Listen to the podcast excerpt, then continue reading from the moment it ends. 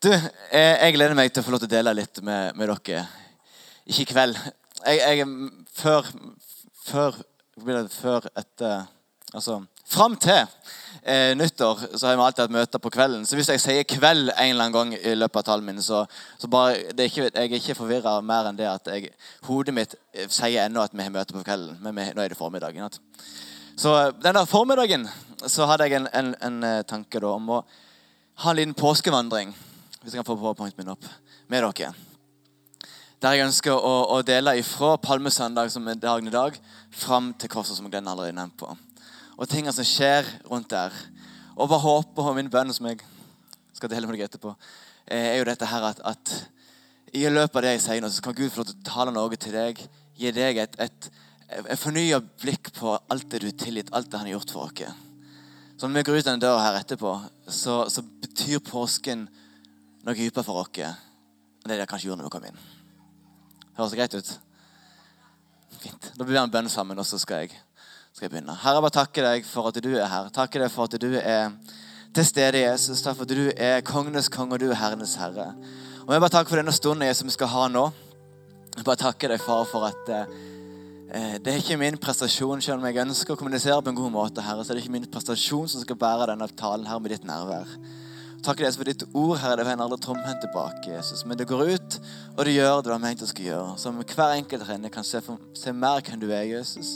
Hva du har gjort, og hva det betyr for vårt liv. Ta for en velsigna stund sammen, Jesus. I Jesu navn. Og alle sa Amen. Og så som i påskevandring hører bør, så har jeg fått en fin sånn bakgrunnsmusikk. Kan ikke en liten applaus til Glenn der han står der og For tangentene bak der. Vi begynner med, med palmesøndag, som er dagen i dag. Da det står dette her. Da han hadde sagt dette, dro han videre fram på sin vandring opp til Jerusalem. Og Det skjedde da han kom nær til Betfage og Betania, til det berget som kalles Oljeberget. Da sendte han to av disiplene sine av sted og sa, 'Gå inn i den landsbyen som ligger foran dere.'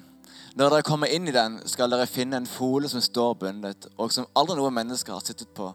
Løs den og før den hit. Og når noen spør dere hvorfor løser dere den, da skal dere svare Herren har bruk for den. De som ble sendt, gikk da av sted og fant det slik som hadde blitt sagt dem.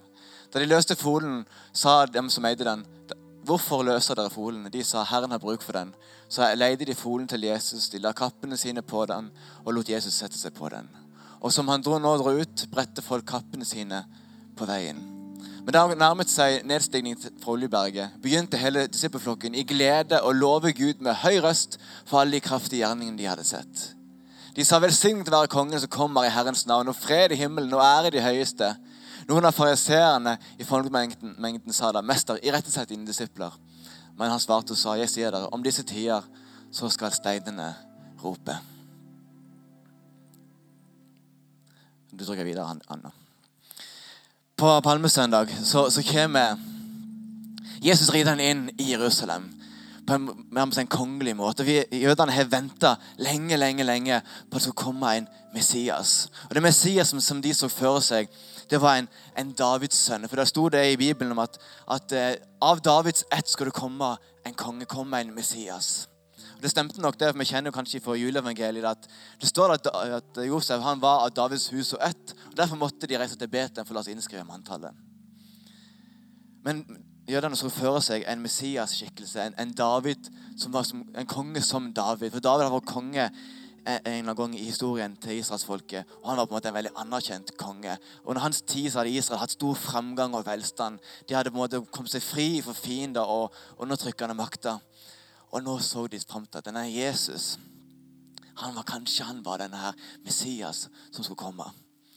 Denne her jødenes konge som skulle befri dem for all undertrykkelse og okkupasjon. Jesus han har vært i, i påsken før.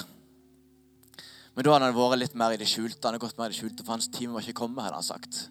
Men nå slår han litt mer på stortromma og ber disiplene gå inn og hente et esel Vel, en konge skulle kanskje helst komme på ridende på en stor hest i pomp og prakt og bare ha folk som måtte juble foran og vet ikke, med sine hærførere med, med viser sin, sin militære makt. Men Jesus kommer ridende inn på et esel. For det står i Zakaria 9,9 at rop høyt, rop med fryd, Sions datter. Jerusalems datter, se din konge kommer til deg. Rettferdig er han og full av frelse. Ydmyk er han og rir på et esel, den unge eselfolen. VG, eller Verdens Gang, avisen, i 2003 hadde de en rekke artikler der de på en måte på en sånn, sånn type måte prøvde å presentere påskeevangeliet, og de skriver som følger. Påskeevangeliet på det VGs vis. Folkefører mottatt som konge. Den meget kontroversielle folkeføreren Jesus fra Nasaret ble i går tatt imot som konge av befolkningen her i Jerusalem. Jesus som rettroende jøde er på pilegrimsreise til Jerusalem og i tempelet, og tempelet nå i påsken, i likhet med titusenvis av andre. Hans inntog i Jerusalem var effektfullt, for å si det mildt. Omgitt av sine tilhengere kom han ridende på et esel. Straks han viste seg, grep begeistringen hemningsløst om seg. I den svære folkemengden var det mange som la sine klær på veien foran ham. Andre ribbet trærne i veikanten og dekket veien for ham. Han fikk bokstavelig talt en kongelig mottagelse. Jeg har fulgt ham i ett år. Jeg tror fullt og fast at han er mannen som skal redde oss. Jeg tror han er den Messias vi venter på, erklærte en beveget kvinne, Elisabeth, etter at de verste gledestumultene hadde lagt seg. Først og fremst er han en samlende leder som kan lede oss i kampen mot romerne som okkuperer oss, mente en hissig ung mann som av forståelige grunner ville være anonym. Men sikkert i det minste er en sympatisør med de revolusjonære selotene. Så, sa, så, så jeg så at folk var glade og begeistret. Er ikke dette moro, da? Det er så mye alvor i påsken her i Jerusalem, synes unge Hanna fra Sykar. Så man forstår folks begrunnelser for å delta i denne meget spesielle hyllesten er meget forskjellig. Men én ting er sikkert. Jesus er i stand til å skape enorm begeistring. Etter dette meget intensive virke som predikant, refser, mirakelgjører, og særlig i nordlige delen av Galilea, er det ingen, er det ingen som lenger stiller seg likegyldig til mannen. Han er elsket blant folk flest, først og fremst pga. sine spektakulære helbredelser. Listen er lang. En mann får spedalskhet, flere menn fra lammelser, en kvinne får feber, mentalt forstyrrede eh, fra deres psykiske lidelser, blinde har fått synet tilbake, stumme kan snakke, ja, endog en ung pike som var avgått ved døden, skal han ha gitt livet tilbake. I det religiøse establishment er han imidlertid langt mer omstridt. Noen ser på ham som en ekte religiøs reformator. Men langt de fleste mener at han er en pest og en plage. Han godkjenner blant annet men langt, men langt de fleste mener at han er en pest og en plage. Han godkjenner bl.a. Eh, ikke store deler av presteskapets rett til å styre folks liv. Han har gått til andre harde konfrontasjoner med de fleste makthavere. Så Jesus' inntog her i Jerusalem bærer unektelig preg av et grasrotopprør. Jesus er folkets mann, noe som aldri er blitt så tydelig understreket som nå.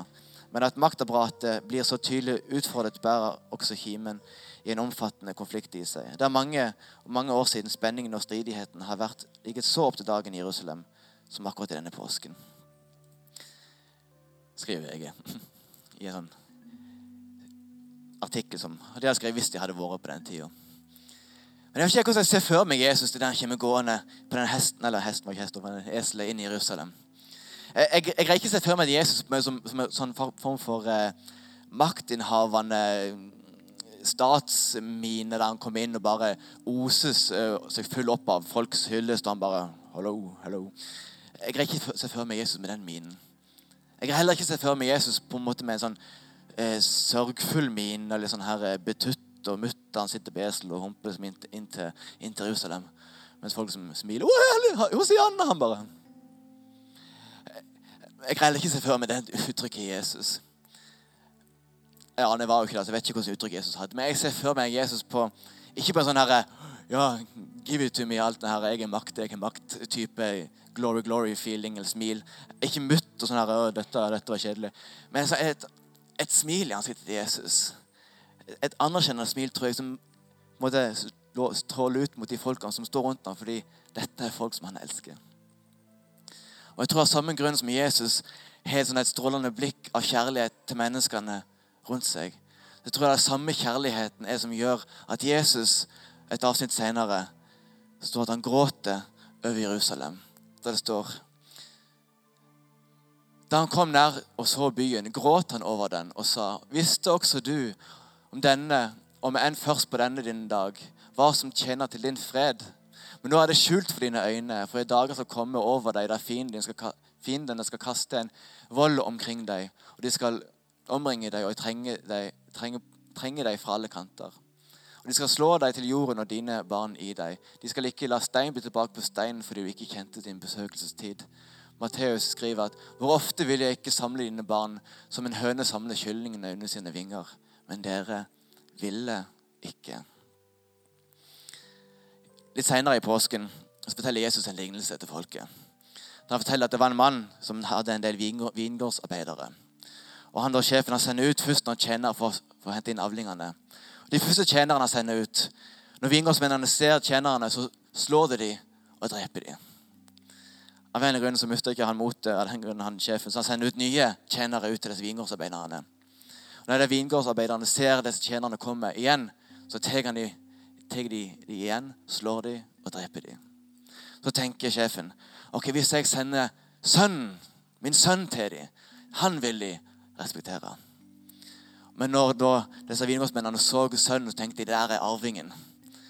Han tar med. Og de tok sønnen og gjorde sammen med han, slo han og drepte han. Så Jesus vet veldig godt når han går inn i Jerusalem. Han vet veldig godt at Gud har sendt profeter, Gud har sendt prester. Gud har sendt så mange før han som ville vitne om Guds frelse, som ville føre Israelsfolket og føre mennesker generelt til han. Men de er blitt avvist, avvist, avvist, avvist. avvist. Og Jesus visste at avviselse òg venta han. For Jesus avslutter ikke denne bønnen her og gråter over Jerusalem. Og hvor ofte vil jeg da ha samla dine mine, ja, de, Da er det liksom en Hva er det for noe? hønemor samle sine barn under sine, sine barn under sine vinger. Og Så avslutter ikke Jesus med å si at sånn har vi gjort før, men denne gangen denne gangen vil det slå til. Denne gangen vil det gå bra. denne gangen, Det er derfor jeg kommer, derfor jeg går mot korset. for jeg vet at denne gangen vil det bli suksess. Jesus avslutter ikke på den måten. Han avslutter at hvor mange ganger har ikke jeg vilt samle deg, men du vil ikke. For det var ikke statistikk og sannsynlighetsregning som gjorde at Jesus gikk til korset. Det var ikke noen rådslagning i himmelen der, der faderen sier til sønnen at du, det er 25% sjanse for at en fjerdedel vil ta imot deg.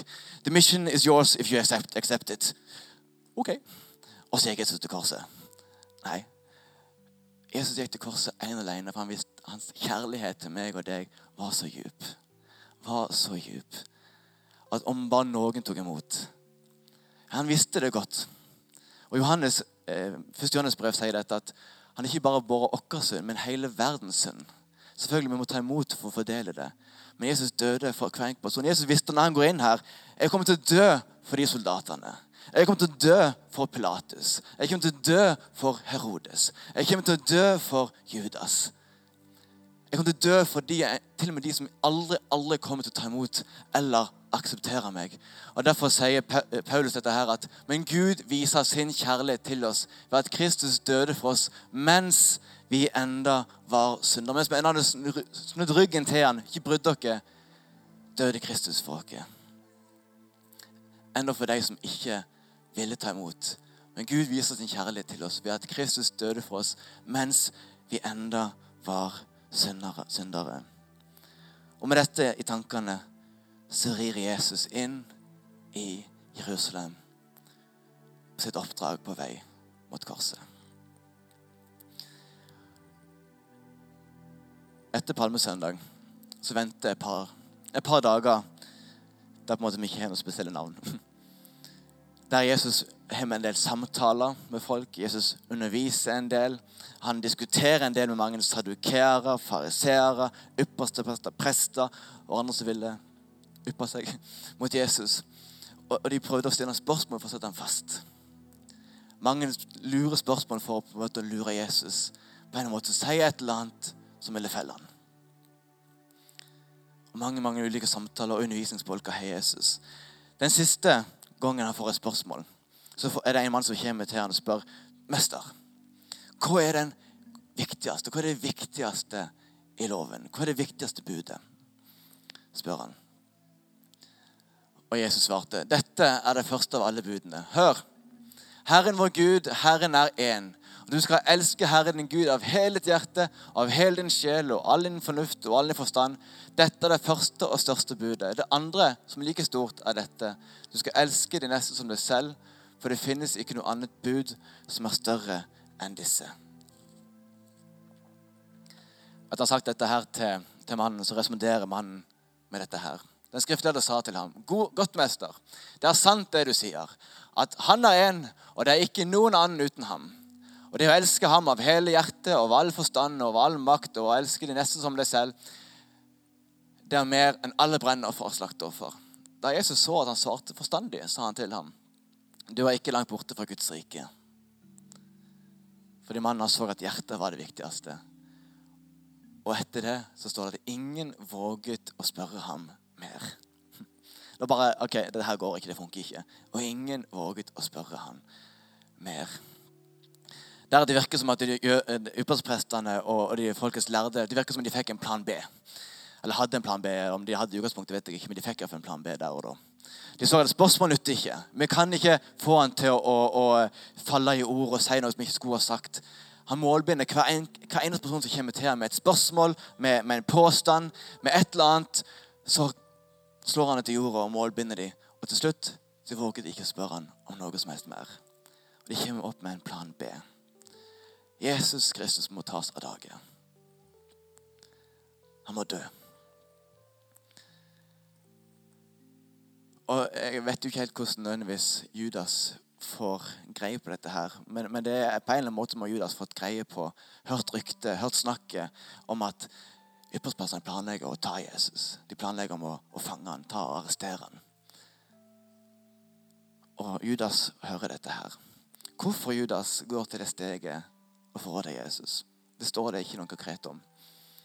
Enkelte teologer spekulerer om, om, om det er dette at Kanskje han var, enten var en sånn selot sjøl eller var sympatisert med disse her eh, opprørerne som, som, ville ta okkupasjonsmakten. Og på en måte hans drøm og tanke var at Jesus var han som skulle måte, get rid of alle romerne. Og når han måtte oppdage at Jesus altså hans politiske fremferd var ikke helt som han hadde planlagt og tenkt. Jesus' måte å ta det til romerne på var ikke helt som han hadde sett for seg. At han ble så desillusjonert at nei, det her, det her går ikke. Eller en vet òg at Judas var kasserer i disippelflokken av en eller annen grunn. Men det står at Judas han tok ifra pengekassen. Han stjal.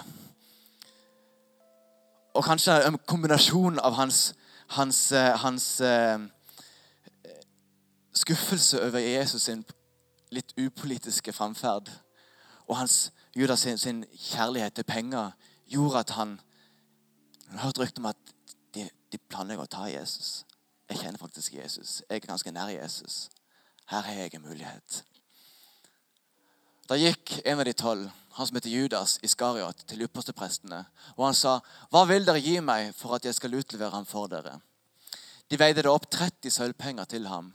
Fra da av søkte han en anledning til å forråde ham.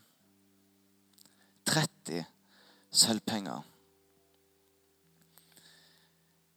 I Moseloven så står det at hvis, en mann hadde en slave, og den slaven ble angrepet eller beskada av en annen manns okse eller dyr eller et eller annet Så i erstatning for den slaven som ble skada, så måtte en mann som var skyld i dette, betale 30 sølvpenger for den slaven. Så når Jesus, når Judas får 30 sølvpenger, så måler de opp Jesus sin verdi til å være samme verdi som av en slave. Der satt de verdien av Jesus. 30 sølvpenger. Samme verdi som av en slave. Blir Jesus sin verdi. Videre så nærmer vi oss skjærtorsdag. Og, og de skal ha påskemåltidet sammen. Og det står dette her. Så kom den dagen i de usyrdes brød høytid da påskelammet skulle slaktes. Og Han sendte Peter og Johannes av sted og sa, 'Gå og gjør i stand for oss, så vi kan ete påskelammet.' De sa til ham, 'Hvor vil at vi skal gjøre det i stand?' Han svarte, 'Se, når dere kommer inn i byen, skal dere møte en mann som bærer en krukke med vann.' Følg ham til det huset hvor han går inn. Og si til eieren av huset, 'Mesteren spør deg, hvor er rommet hvor jeg kan ete påskelammet med mine disipler?' Han viste da dem et stor sal ovenpå, og med alt utstyr, der skal dere gjøre i stand. Og de gikk da av sted og fant det slik som han hadde sagt, og de gjorde i stand påskelammet.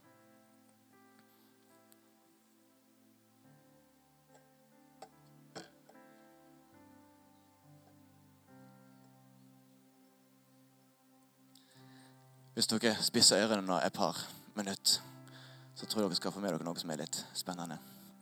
Påskemåltidet er et påskemåltid som er utrolig viktig i jødisk historie. Det det, det, er det påskemåltidet som, som de, de, feirer til minne om utgangen av Egypt. Hele påsken handler jo om dette her. Utgangen av Egypt. Fordi på den natta, eller på den, eh, den stunden når Moses fikk beskjed om å føre Israels folk ut av Egypt, så, så, så går han til farao en rekke ganger og sier at Let my people go. Og farao sier nei. Han kommer på nytt igjen og sier la mitt folk få gå. Og farao sier nei. Og Gang på gang kommer han til far og sier la mitt folk få gå. Han viser ulike tegn, ulike under for å vise at det er Gud, himmelens Gud, jeg er, som har sendt meg til deg. Men farao sier nei.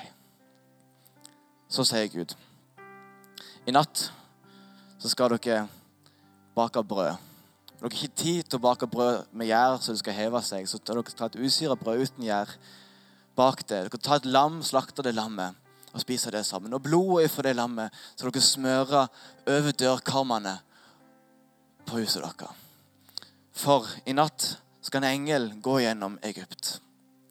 Og alt førstefødt av mennesker og av dyr skal dø.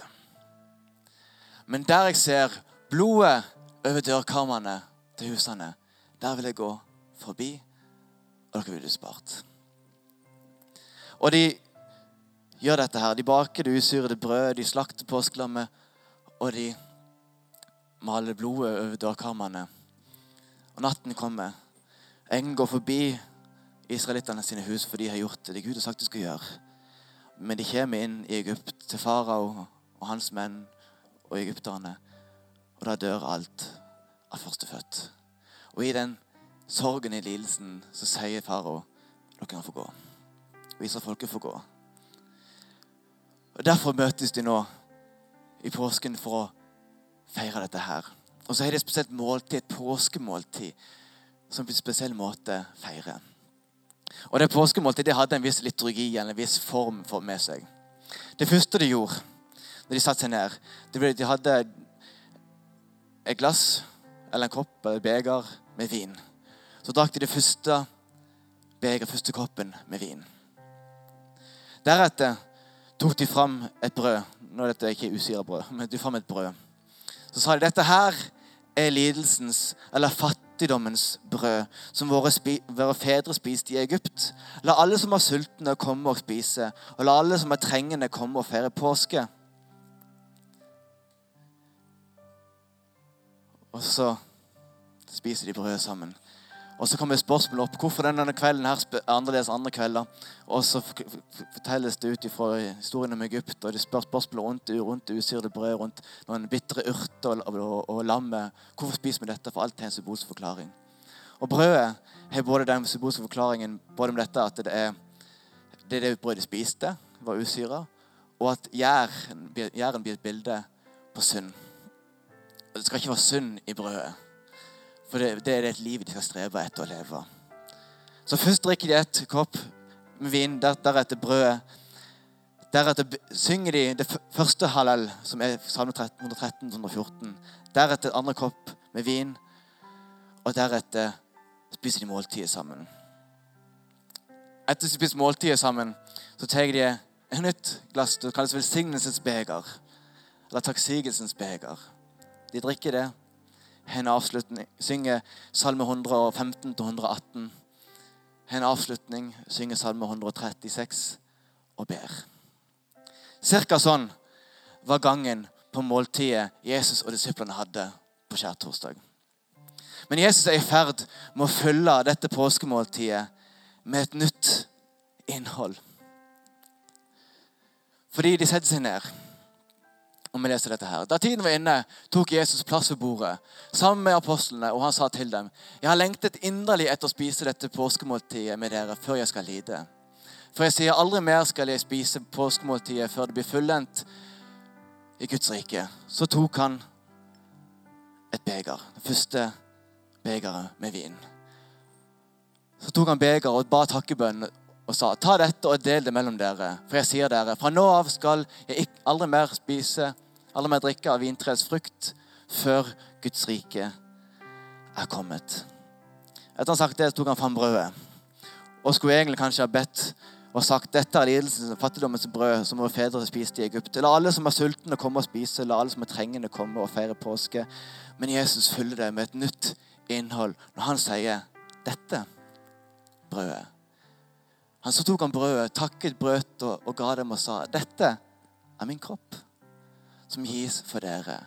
Gjør dette til minne om meg. Så brøt han brødet og delte ut. Og det at han bryter brødet har ikke noe med seg, For Jesu kropp er aldri brutt. Når Jesus hang på korset, så hadde de en vanlig greie med at de pleide å, bryte folks bein så de skulle dø fortere. Men de gjorde ikke det med Jesus, for han var allerede død. Men det at han bryter brød og deler ut, betyr at det usyrede brød, det som var uten synd, deles ut til alle som vil. Deretter drikker de den andre koppen med vin, spiser måltidet sammen, og etter måltidet Ja. Og i den salme de synger, så synger de dette. Men uh, OK. Nå har jeg kopiert feil. da. Men iallfall så tar han fram den tredje vinen. Og Dette som er med, med vinen, er at brødet har en forklaring. Brødet hadde en forklaring. Dette brødet var på en måte det lidelsens brød som de tok med seg fra Egypt. Mens vinen hadde aldri en fortolkning. Og En teolog spør spørsmålet er det kanskje fordi at det mangla en forklaring på hva dette, hva vinen skulle bety. Så Jesus han fyller det med innhold. Etter måltidet så står det at han etter aftensmåltidet står det, tok han kalken og sa dette, så gir Jesus det med innhold. Dette er det nye pakt i mitt blod, som utøses fra dere. Drikk alle av den til minne om meg. Og Deretter så synger de det andre hallel, der, der en av Salme 118, 22-23 står Den steinen som bygningsmennene forkastet, er blitt hovedhjørnesteinen. Av Herren er dette gjort. Underfullt er det i våre øyne. Deretter så hadde jeg avslutningen. Leste Halm 136 og ber en bønn. Og Det er kanskje der Jesus ber sin ypperste prestelige bønn i Johannes 17. Salme 136 som de synger til avslutningen, handler om en sånn takkesalme til Gud for at, at, han hadde ført dem ut av slaveriet i Egypt. og Gjennom Moses hadde ført dem vekk, og gjennom Josfa ført dem inn i det lovede land. Men gjennom at Jesus fornyer innholdet i måltidet, så var det ikke noe lenger et minnesmåltid over at de kom ut fra slaveri under Egypt og inn i et løftesland. Men ut av slaveri under synden, skylden og skammen og inn i løftet i Kristus. Deretter Mellom klokka, mellom klokka 9 og 12 en plass så, så går disiplene ut. Og de går ut til en hage som heter Getsemane. Jesus ber der, er i dødsangst. Ber tre ganger, 'Herre, hvis denne kalken går forbi, bare som du vil, ikke som jeg vil.' Etter han er bedt, etter går han tilbake til disiplene sine som er sovna, vekker de. Og Judas kommer, gir han et kyss, og soldatene tar Jesus til fange. Og vi, og vi vipper da midnatt. Det er tredje nattevakt, og vi går over til langfredag. Og Jesus er hos ypperstepresten, svigerfar Annas, i noen begynnende forhør. Før etter han er blitt pratet om Annas en stund, så blir han ført bonden videre til Kaifas. Mellom klokka tre og klokka seks i den fjerde nattevakt så er Jesus hos Kaifas og, og rådet og forhøres. Og klokka seks faller dommen over Jesus. Da, da, da det ble dag, kom folkets eldste råd sammen, både ypperstepresten og de skriftlærde. Og de førte ham fram i sitt rådsmøte og sa, 'Er du Messias, så si oss det.' Men han sa til dem, 'Om jeg sier dere det, så vil dere ikke, slett ikke tro det.' 'Og om jeg ville spørre, ville dere på ingen måte svare meg, eller la meg gå.' Men fra nå av skal menneskesønnen sitte ved Guds krafts høyre hånd.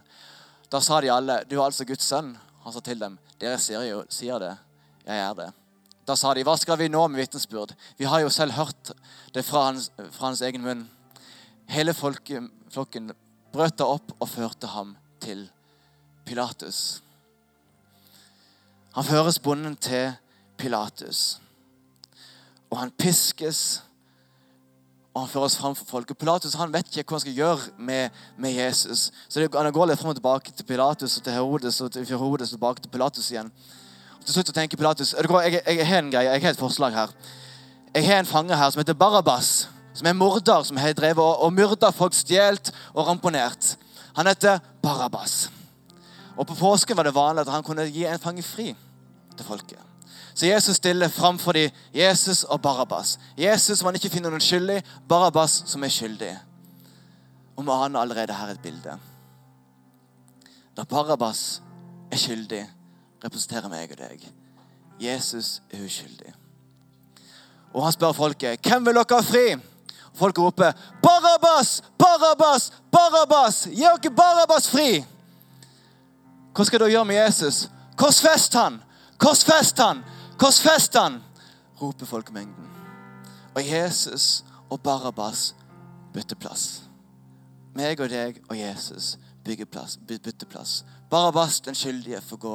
Jesus, den rettferdige, går mot dommen. Og han går sin vei opp mot Golgata. Han blir spytta på, han blir piska, han blir slått. Soldatene håner. De lager en, en tornekrone. Han var jo jødenes konge, denne mannen her. Hvor er ditt kongerike nå, henne Jesus? Så de tar en, en, noen torn og lager en krone, og han trer den ned på hodet. Så, så det her, eh, tornene går inn i hodet. Blodet renner ned. Ja, profeter over oss nå, Jesus. Kom an, si hvem det var som slo deg. Og Jesus må gå lange veien opp mot, mot Kolgata. Og Markus skriver at det var ved den tredje time de korsfestet ham. På korset skjer det en, en, rekke ting. En av tingene som skjer, er at Jesus, mens han er på korset med, med tornekrone på hodet og blod renner ned Nagler spikra inn i hendene, inn i føttene hans. Kroppen ribba etter å ha blitt piska. Så ser han på soldatene og ser på de folkene som har springt til korset, og ser han, 'Far, tilgi deg, for de vet ikke hva de gjør.' Og Når Jesus ber dem bønn, 'Far, tilgi dem, vet ikke hva de gjør', så Jesus vet jo grunnen til at far kan tilgi dem, er fordi han henger der på korset. Så han egentlig sier, 'Far, tilregner ikke de den det de gjør. La det falle på meg.' Tilgi dem, la det falle på meg. Ved en anledning så er det, det er to røvere som er basert på hver sin side av korset. Den ene spotter Jesus og sier kan ikke du som er frelst mange andre, kan ikke du bare frelse deg sjøl? Mens den andre på andre sida av korset han sier frykter du ikke Gud? Denne mannen her er uskyldig. Han har ikke gjort noe. Han er rettferdig. Så snur han seg til Jesus og sier, Herre, husk på meg når du kommer til ditt rike. Det er en ørliten, uskyldig bønn, men et glimt av tro. Og Jesus griper det og sier, 'I dag så skal du få med meg til paradis'. Videre.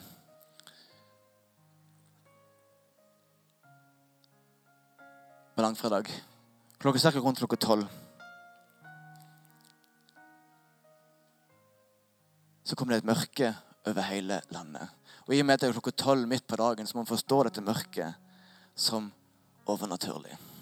Det er sammenheng med det som skjer på korset. Og ved den niende time så roper Jesus ut, 'Min Gud, min Gud, hvorfor har du forlatt meg?' Min Gud, min Gud, hvorfor har du forlatt meg? Jeg tenker Det er en sammenheng med det Jesus når han sier, 'Tilgi dem, for de vet ikke hva de gjør.' 'La deres skyld falle på meg.' Og Guds ansikt som hele tida strålt mot Jesus. For Jesus var rettferdig, han var hellig, han var ren, uten skyld, uten skam. Og Guds ansikt var alltid vendt mot Sønnen. Men i dette øyeblikket så hele kosmos, hele verdens, alle menneskers synd fra begynnelsen av skapelsen til slutten. Alle mennesker. Pilatus, Herodes, Judas, soldatene, meg, deg. All synd falt på Jesus, og Guds ansikt vendes mot, ifra Sønnen for at hans ansikt skulle lyse mot meg og deg.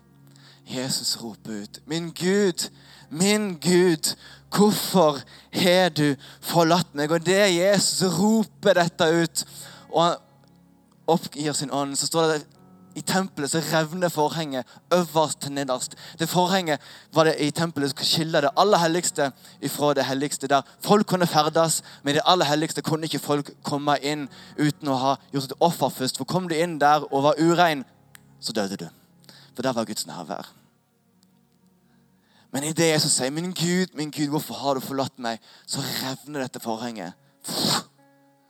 Og veien åpnes for at hver enkelt med tro, og så bare så lite tro, så liten tanke, så uskyldig bønn som røveren på korset kan komme til Gud.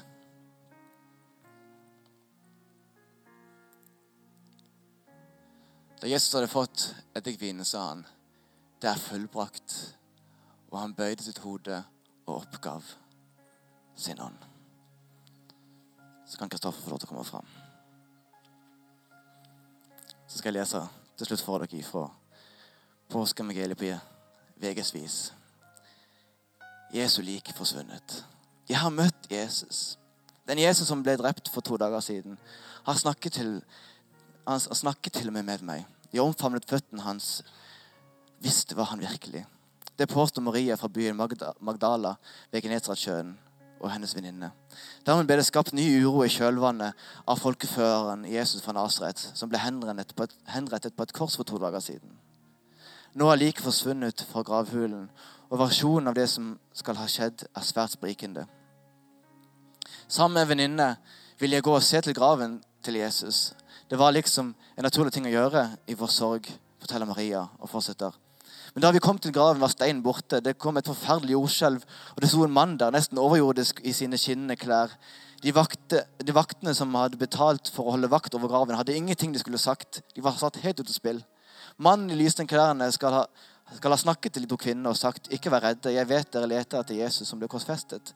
Men han er ikke her. Han lever igjen. Akkurat slik, det, slik han påsto at han ville. Kom her og se stedet der liket hans ble lagt. Det var aldeles utrolig, fortsatte Maria fra Magdala. Men mannen påla oss å finne de som hadde fulgt Jesus før han ble drept, og fortelle at han er levende igjen. Og Like etterpå møtte de en mann som jeg ikke kjente, møtte en mann som jeg ikke kjente, før jeg så at det virkelig var Jesus. Ikke vær redd, sa, sa også han til oss. Det var et ord i rett tid. Men han sa også at han ville gjøre seg til kjenne senere. Vaktene som ble betalt for å passe på graven, slik at Jesu tilhengere ikke skulle stjele liket, påstår at hennes historie er oppspinn. Tilhengerne til Jesus kom mens vi sov. Vi merket det ikke at de stjal liket, eh, sier en ekssoldat Malkus, en av de som hadde fått jobben med vaktholdet. Dette er underlig, ettersom det er dødsdom for vakter som sover. Men jødenes overste ledere skal ha gått god for, den, eh, for dem overfor romerske okkupantene, så det ventes ikke at de blir tiltalt for tjenesteforsømmelse.